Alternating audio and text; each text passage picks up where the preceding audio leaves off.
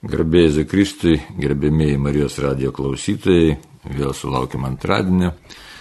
Susitinkame laidoje Katalikų bažnyčios katekizmo komentaras, prie mikrofono aš, kunigas Arnoldas Valkauskas. Kalbam apie iš tikrųjų tai, ką randame Katalikų bažnyčios katekizme, bažnyčios mokyme.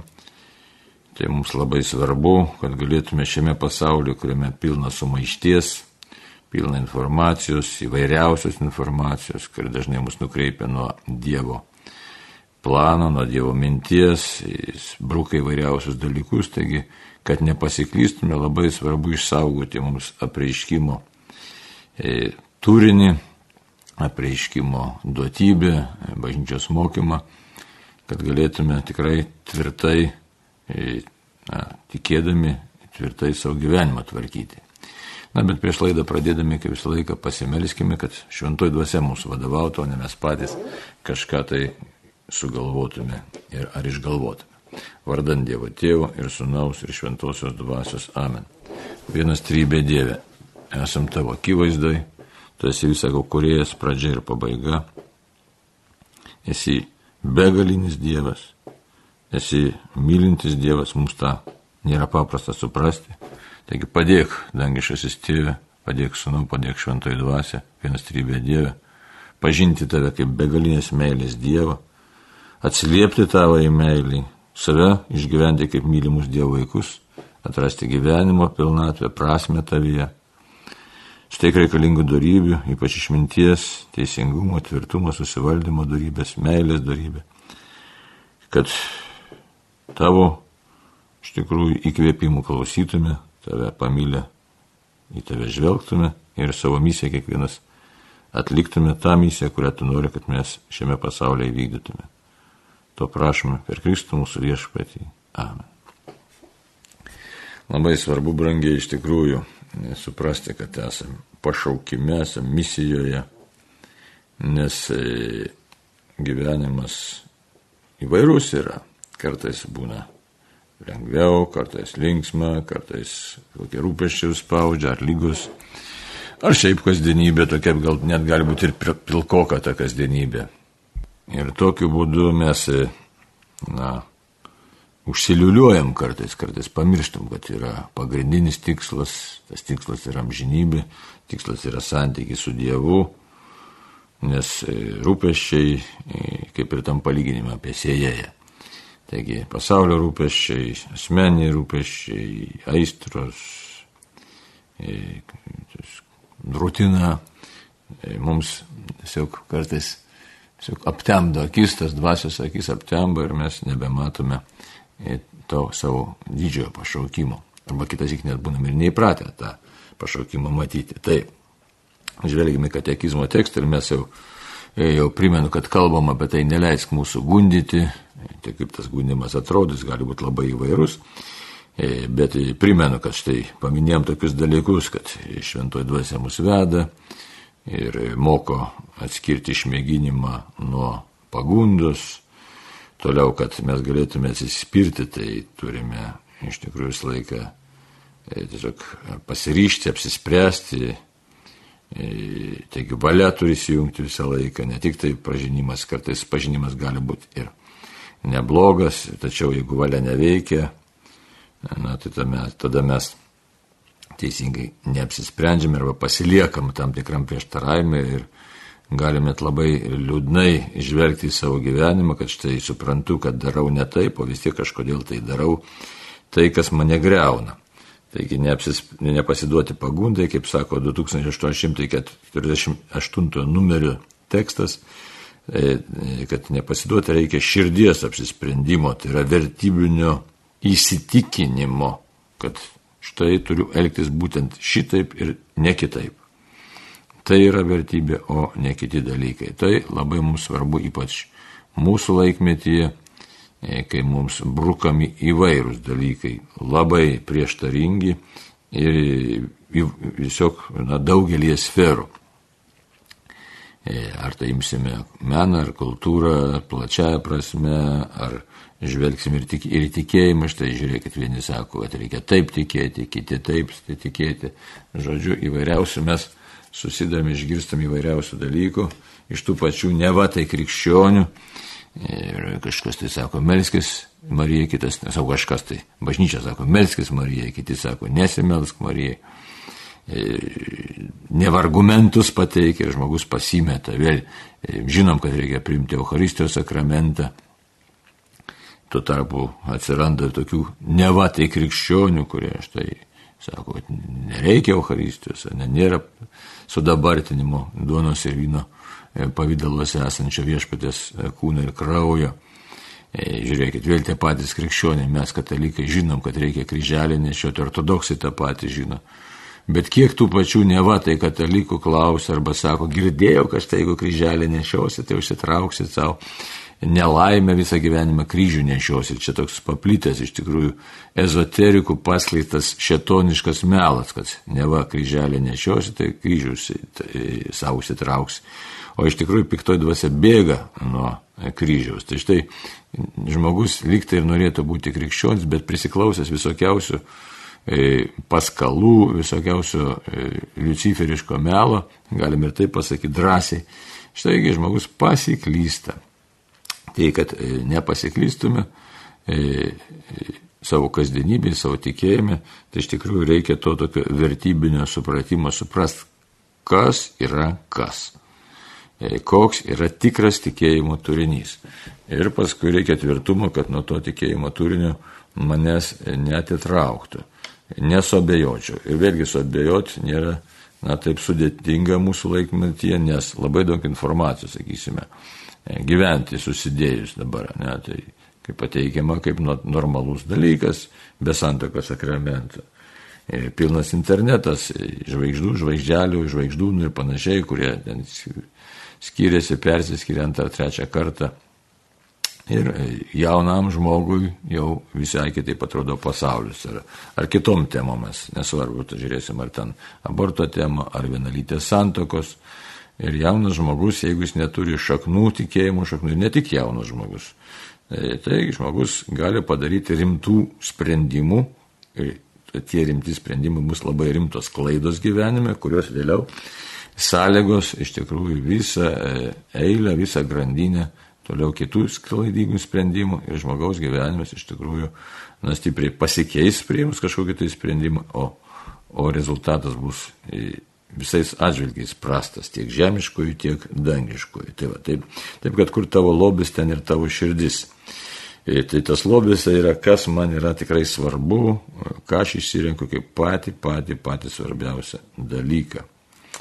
Ir tikinčiam žmogui šiandien nėra taip paprasta suprasti, kad štai Dievas yra aukščiausias gėris. Dievo pažinimas yra aukščiausias gėris dabar pasakyta, ne, šitą dalyką tai nėra taip sunku, tačiau kiek kartų mes esame girdėję tokį pasakymą, kad Dievas yra aukščiausias gėris.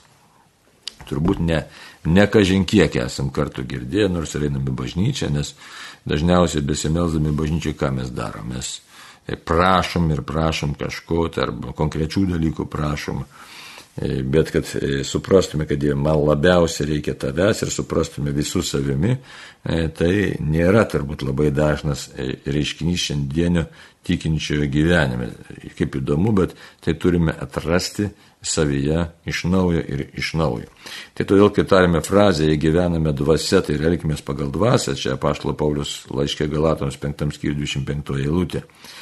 Tai dar suprasti, kad e, tikrai krikščionis yra žmogus, kuris turi šventą dvasę savyje ir krikščionis pažodis yra tai žmogus pateptasis Kristumi. Taip ir yra, taip ir verčiam iš graikų kalbos Kristianos, tai paženklintas Kristumi. Apsivilkęs Kristumi, tai įsivaizduot, koks nuostabus pavadinimas, kas tai yra krikščionis. Katolikos, graikiškas žodis, ir visuotinis, visuotinis tiesiog tas, kuris pasaulio neša visam pasauliu neša Kristų, kuris yra ženklas, e, reiškia, visam pasauliu, kuris priklauso bažnyčiai, kuri neša Kristų visam pasauliu. Tai yra paženklas šventąją dvasia apvilktas sunumi, apvilktas viešpačiai Jėzumi Kristumi. Tai yra taip, kad e, nėra mūsų laikmetyje paprasta, nes nėra įprasta gyventi dvasia. Yra įprasta daugiau gyventi pasaulietinėmis kategorijomis, kaip mes žinome, kad paštas Jonas savo pirmajame laiške antram skyriui yra pasakęs, nes visa, kas pasaulyje, tai kūno geismas, akių geismas ir gyvenimo puikybė, o tai nėra iš tėvo, bet iš pasaulio. Taip kad, taip kad esam tame tokiame įtampos laukia ir tas įtampos laukas katekizmui yra apibūdinamas kaip e, išmėginimas, e, remintis apaštalo Paulius pirmą laiško korintiečiams 10 skyrius 13 eilutė, ką jisai sako, žiūrėkit, jums tekia išmėginimai, ne, yra žmogiški. Tai, tai bet tie išmėginimai yra kova. Taigi esame kovos laukia kovos laukia ir ta kova ne bet kokia, bet ta kova yra iš tikrųjų už didžiausią gėrį. Mums šiandieną gali taip keistai atrodyti, kad štai didžiausias gėris yra Dievas. Aš taip sakau todėl, kad, na, šiandieniniam žmogui, e, kuris vertina namus gražius, sutvarkytus, kuris vertina gražias automo, mašinas, automobilius, e, kuris vertina kelionės, egzotiškus kraštus, malonių laiko leidimą, pasakyti, kad štai aukščiausias gėris yra Dievas, na tai gali keistai atrodyti tokia, toks pasakymas. Bet iš esmės yra būtent šitaip ir jeigu e, žiūrėsime įdomias tas mūsų dvasinės e, knygas, tai, sakysim, filiokalija arba gėrio meilė, taip ir verčiama, e, ortodoksų bažnyčiai įsivertė į rusų kalbą, yra tai dobra taliubija, tai iš tikrųjų gėrio meilė. Kas tas gėris? E, galim tokią knygutę gražią skaityti, keliauninko užrašai e, apie tai, kaip buvo mokomasi tos nepaliaujamas Jėzaus maldos. Primenu, kad Jėzaus malda kilusi ne iš pirmųjų krikščionių, iš tikrųjų iš, iš dykumos tėvų praktikos. E, tai antras, trečias, ketvirtas, penktas, šeštas amžius. Tai va, taip kad bet tos maldos tikslas ir, ir to viso kalbėjimo, štai gėrio meilė tikslas yra būtent, kad E, aš turiu pasiekti patį didžiausią gėrį ir kuo aš jį greičiau jį pasieksiu, tuo aš būsiu laimingesnis, o tas didžiausias gėris tai yra būtent Dievas ir santykis su Dievu. Ir tai jau mes galime pradėti ir esam pašaukti būtent šiame pasaulyje, šiame gyvenime. E, bet tas aukščiausias gėris taip lengvai nepasiekiamas, nes žmogus yra apdovanotas laisvą valią ir todėl mes esame e, iš tikrųjų tam tikram įtampos laukia arba kitaip tariant, esame kovoje. Tai štai apie tą kovą ir kalba mūsų katekizmas 2849 numerį. Tekstas toks. Vis dėlto tokia kova ir tokia pergalė yra galimos tik su malda. Savo maldą Jėzus nugalėjo gundytoje nuo pat pradžių ir paskutinėje savo agonijos kovoje. Šiuo prašymu mūsų tėvui Kristus mus įtraukė į savo kovą ir agoniją. Jis primiknai primena mums būdėti širdimi, vienybėje su juo. Būdėjimas yra širdies sargyba ir Jėzus prašo tėvą išlaikyti mus ištikimus jo vardui. Šventoji dvasia nuolat mus ragina taip būdėti. Prašymo dramatiškumas tampa akivaizdus susidūrus su paskutinė pagunda mūsų žemiškojo kovoje. Tada prašome galutinės ištvermės Štai aš ateinu kaip vagis, palaimintas, kas būdi. Taip, ilgas numeris ir labai daug čia visko ir turinio, temų labai daug. Ir tos temos tokios dramatiškos yra iš tikrųjų svarbios ir sunkios ir svarios tokios labai. Ir visos jos pagristos šventuoju raštu. Taigi šiame numerėlėje iš tikrųjų yra 1, 2, 3, 4, 5, net penkios išnašos ir dar viena nuoroda į apreiškimo knygą. Tai iš viso mes turime šešias nuorodas į šventai raštą vienam numeryje. Taigi dabar pasižiūrėsime, tiesiog pasklaidysime, ką mes čia šitam numeryje išgirdome ir ką turėtume savo pritaikyti ir suprasti. Kalba yra tokia. Taigi vis dėlto tokia kova, kokia kova. Tai prieš tai būtent buvusiame numeryje ir buvo kalbama, kad reikia nepasiduoti pagundai ir reikia širdies apsisprendimo. Jau buvau, buvau užsiminęs, kad kur tavo lobis, ten ir tavo širdis ir kad išmėginimai yra. Tai dabar čia labai akivaizdžiai šiame 2849 numerė kalbama apie kovą, tiesiog tiesiogiai kalbama apie kovą. Kokia tai yra kova. Ir kad kova, nu, nėra paprasta, bet yra štai kova reikalinga tiesiog įtampa, įsipareigojimas ir kad ta pergalė lengvai nėra pasiekiama, bet jinai yra galima tik su malda. Tai štai kokia frazė tokia, tiesiog iš karto pateikiama, tokia, na, kaip aksijoma, kaip neginčiama tiesa, kas sako, vis dėlto tokia kova ir tokia pergalė yra galimas tik su malda. O ką reiškia su malda? Tai reiškia būnant pastoviame santykėje su Dievu. Už tai ir gimė remiantis apaštalo Paulio žodžiais, visuomet melskitės, visuomet džiaukitės be paliovos, melskitės be paliovos, melskitės. Taigi gimė ta nepaliaujama malda, trump, trumpi atsidusėjimai na, ir įvairios tos Jėzaus maldos formos, kad visą laiką buvotume maldoje. Akivaizdos Dievo, akivaizdos prisiminimas taip pat yra malda.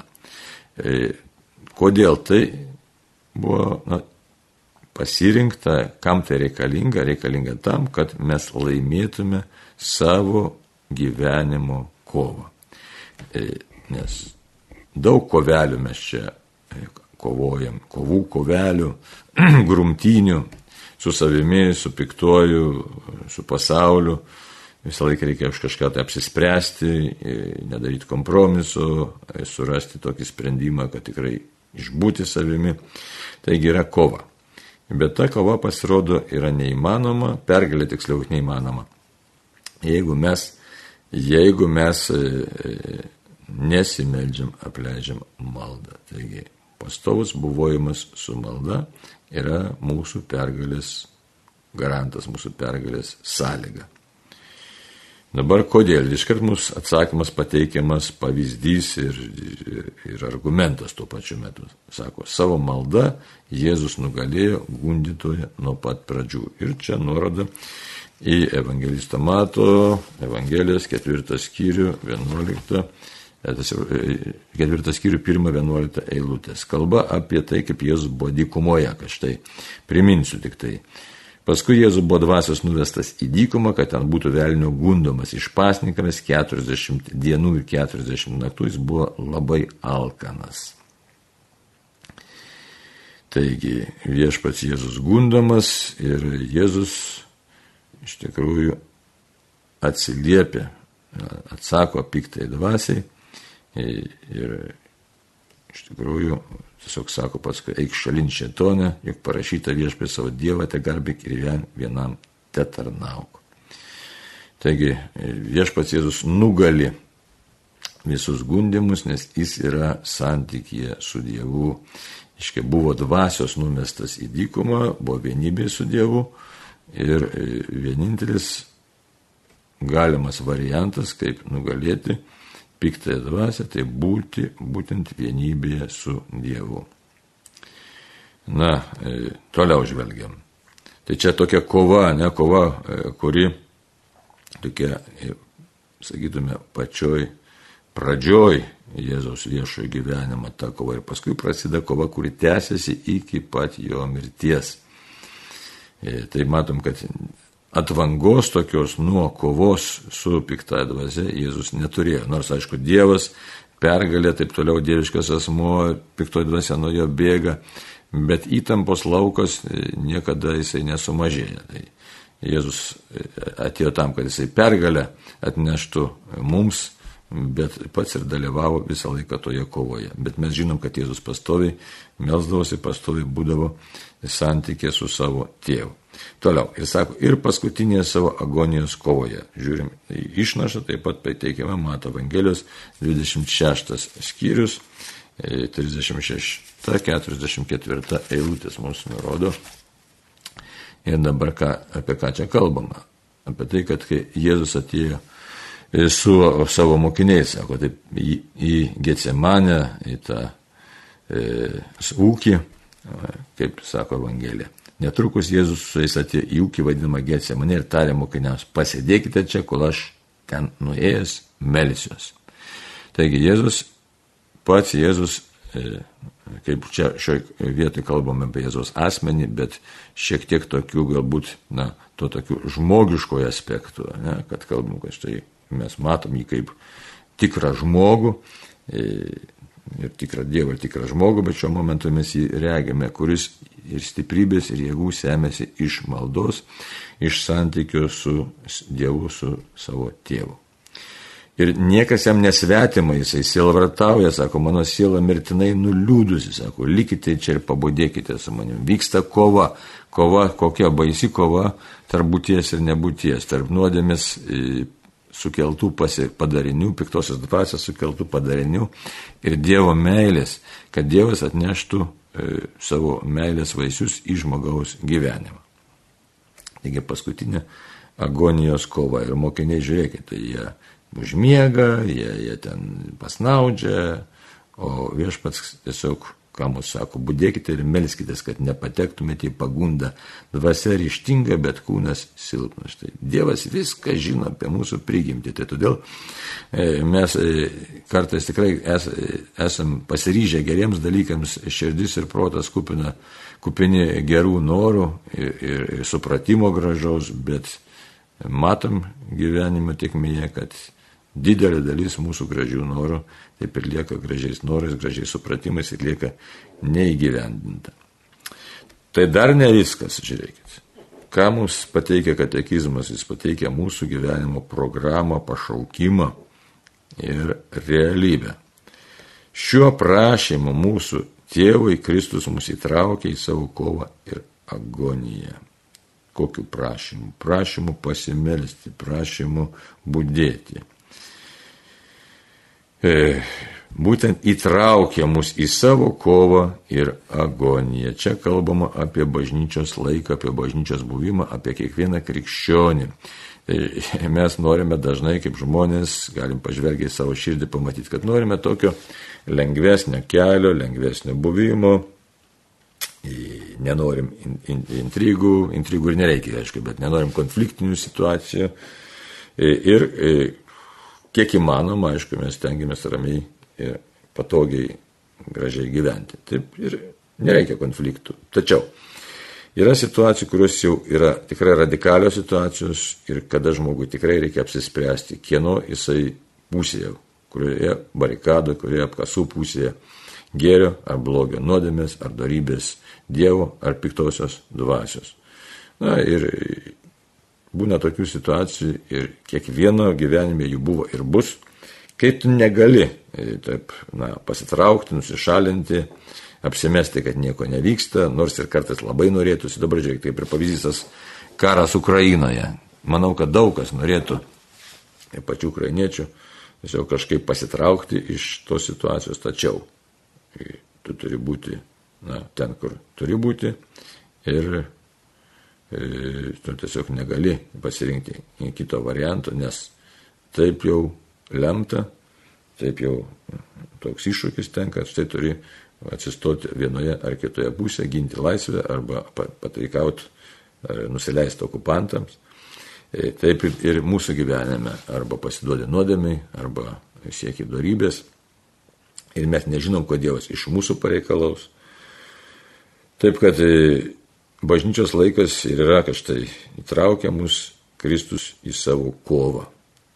Ir ta kova, na, dabar Lietuvoje, sakysime, e, kiek žmonių apsimeta, kad niekas nevyksta, kad nemato, kad štai e, vyksta kova už šeimą, e, kad vyksta kova už vertybės, krikščioniškas vertybės. Neretai kas pasako, tai man vis tiek, arba kaip nuspręs, tai bus gerai, svarbu, kad turėčiau ką valgyti kad mano vaikam būtų gerai, iš tikrųjų taip nebus. E, jeigu mes pradedam nulaidžiauti piktai dvasiai, tai e, jinai nėra džentelmenas, e, kuris tiesiog įvertina mūsų kilnę širdiškumą tariamą ir sustoja. Taip nebus. Tai piktoji dvasia dirba savo darbą tam, kad sugriautų visiškai žmogų Ir jeigu krikščionis nepasipriešina savo pasirinkimų, savo gyvenimų, savo vertybinių gyvenimų, e, na tai rezultatas visą laiką būna labai prastas. Tai yra toliau pikto dvasia puola, kuri kol visiškai sunaikina Dievo žmogų mumyse. Taip kad už tai katekizmas čia ir pabrėžia mums, sako, e, šiuo prašymu mūsų tėvų Kristus mus įtraukė į savo kovą ir agoniją. Įsivaizduot, ar kova tai dar sakytume nieko, bet agonija Tai ką pirmieji krikščionys labai gerai suprato, kad štai kankinystė tai yra paliūdėti Dievo pergalę mūsų kūne atnešta Jėzos ant kryžiaus. Paliūdyti savo kūnų. Tiesiog he, pirmieji krikščionys labai aiškiai suprato, suprato, kad tai yra netgi malonė paliūdyti Dievo e, kankinystę ir ne kiekvienam lemta, nes Dievo dvasia į kankinystę nuveda tą, tik tai, kuris yra to vertas ir kita vertus tą kankinystę gali ištverti tik tai tie, kurie yra vedami šventosios dvasios. Na ir jie, taip kad ta agonija tai yra merdėjimas dėl pasaulio išganimo, kai Jėzus atsiduoda visiškai, pasitikėdamas, atsiduoda į tėvo rankas. Ir taip kad na, mums atsiduoti į tėvų rankas ir visiškai pasitikinti nėra taip ir paprasta. Ir mes vėlgi esam tam tikroje kovos fazėje, kai reikia na, patikėti, kad štai Dieve, tu tikrai e, vedi mane ir, ir viskas, kas vyksta mano gyvenime, jeigu aš esu nuoširdžiai tikintis ir ieškau tavęs, tai tikrai e, viskas vyksta iš tavo valios, iš tavo rankos ir yra tavo norėta nors ne viską aš suprantu ir ne viskas galbūt man ir patinka. Taip kad vėl vyksta vidinė kova e, su e, savimi pačiu, su savo supratimu ir su savo kūno palinkimu. Nes kūnas nori komforto, nori polisio, nori ramybės, o gali būti taip gyvenime, kad štai tą ramybę iš mūsų atima, įdant mes jau ir pakovotume. Ir pakovotume, ir paliudytume, ir na, tiesiog sudalyvautume Kristaus aukoje. Nežinau, ar teisingai pasakiau, bet sudalyvautume, kaip čia pasakyti, tiesiog Dievas pakviečia prisiliesti prie jo aukos. Toliau. Jis primiknai primena mums būdėti širdimi. Būdėti širdimi, įsivaizduot, koks įdomus dalykas. Pasižiūrėkim, čia dabar daug nuorodų yra daug nuorodų. Pirmoji nuoroda į Morkos Evangelijos 13 skyrių 9 eilutę, kas ten dabar bus parašyta. Pasižiūrim, 13 skyrius 9 eilutė. Jūs sergėkitės, ne, atidavinės jūs teismams, plaks sinagogose, jūs turėsite dėl manęs stoti prieš valdytojus ir karalius, kad jiems liudytumėte. Svaiduot. Taigi tas būdėjimas širdimi, tai Dabar dėl ko padėti širdimi vienybėje su juo, kad nenustebk.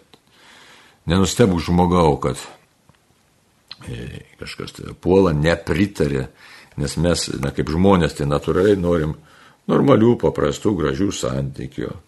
Norim santykių be įtampos ir nesuprantam mes dažnai krikščionis, kad štai pasaulyje, e, kai kalbam apie tikėjimą, apie vertybės, apie savo pasirinkimą, Na tai taip norėtume, kad mus visi ir priimtų, tai paprastai, draugiškai. Ir nustembama neretai, kad štai priima kažkas mus priešiškai, visai nedraugiškai, kartais net visiškai be, be tokios regimos priežasties, ar iš vis be jokios priežasties patiri prieštaravimą, priešiškumą, neapykantą. Tai būtent todėl, kad Jėzus mus perspė, sako, būdėkite, nenustepkite, nes, nu, Jūs esate mano mokiniai, pasaulio dvasia jums priešinasi ir ne tik pasaulio dvasia, neregima, bet piktoji dvasia realiai priešinasi. Tai tas būdėjimas širdimi ką reiškia? Jisai reiškia, kad, na, žmogaus žiūrėk tu, tu tikrai suprask, kad e, nėra čia viskas taip paprasta ir e, žiūrėkit, Jėzaus net žodžiai tokie yra, e, toj pačioje Evangelijoje pagal Morku. Todėl būkite apdairūs, aš jūs iš anksto dėl visko įspėjau. Ir tas įspėjimas yra, kad būdėti visom prasmėm, nes čia, e, kur kalbam apie pasaulio pabaigą, mes nekartą esam girdėję apie pasaulio pabaigą, apie mesiją ateimą, e, tai kalbam apie tai, kad reikia tikrai saugoti e, savo tikėjimą, savo tikėjimo turinį. Žiūrėkite, Jėzaus žodžiai kokie. Jei tada kas nors jums sakytų, štai čia mesijas, štai ten, netikėkite, nes atsiras netikrų mesijų ir netikrų pranašų. Jie darys ženklų ir stebuklų, mėgindami suvedžioti, jei tai įmanome, net išrinktuosius. Todėl būkite apdairūs. Būkite apdairūs. Aš jūs iš anksto dėl visko įspėjau. Tai matot, kaip reikia būdėti ir todėl reikia, na, pirmiausia, pažinti savo tikėjimo turinį nesiblaškyti ir tą tikėjimo turinį saugoti ir saugoti ryštingai, neskubėti griebtis visokių naujovių, visokių ten e, e, patarimų. Tai va.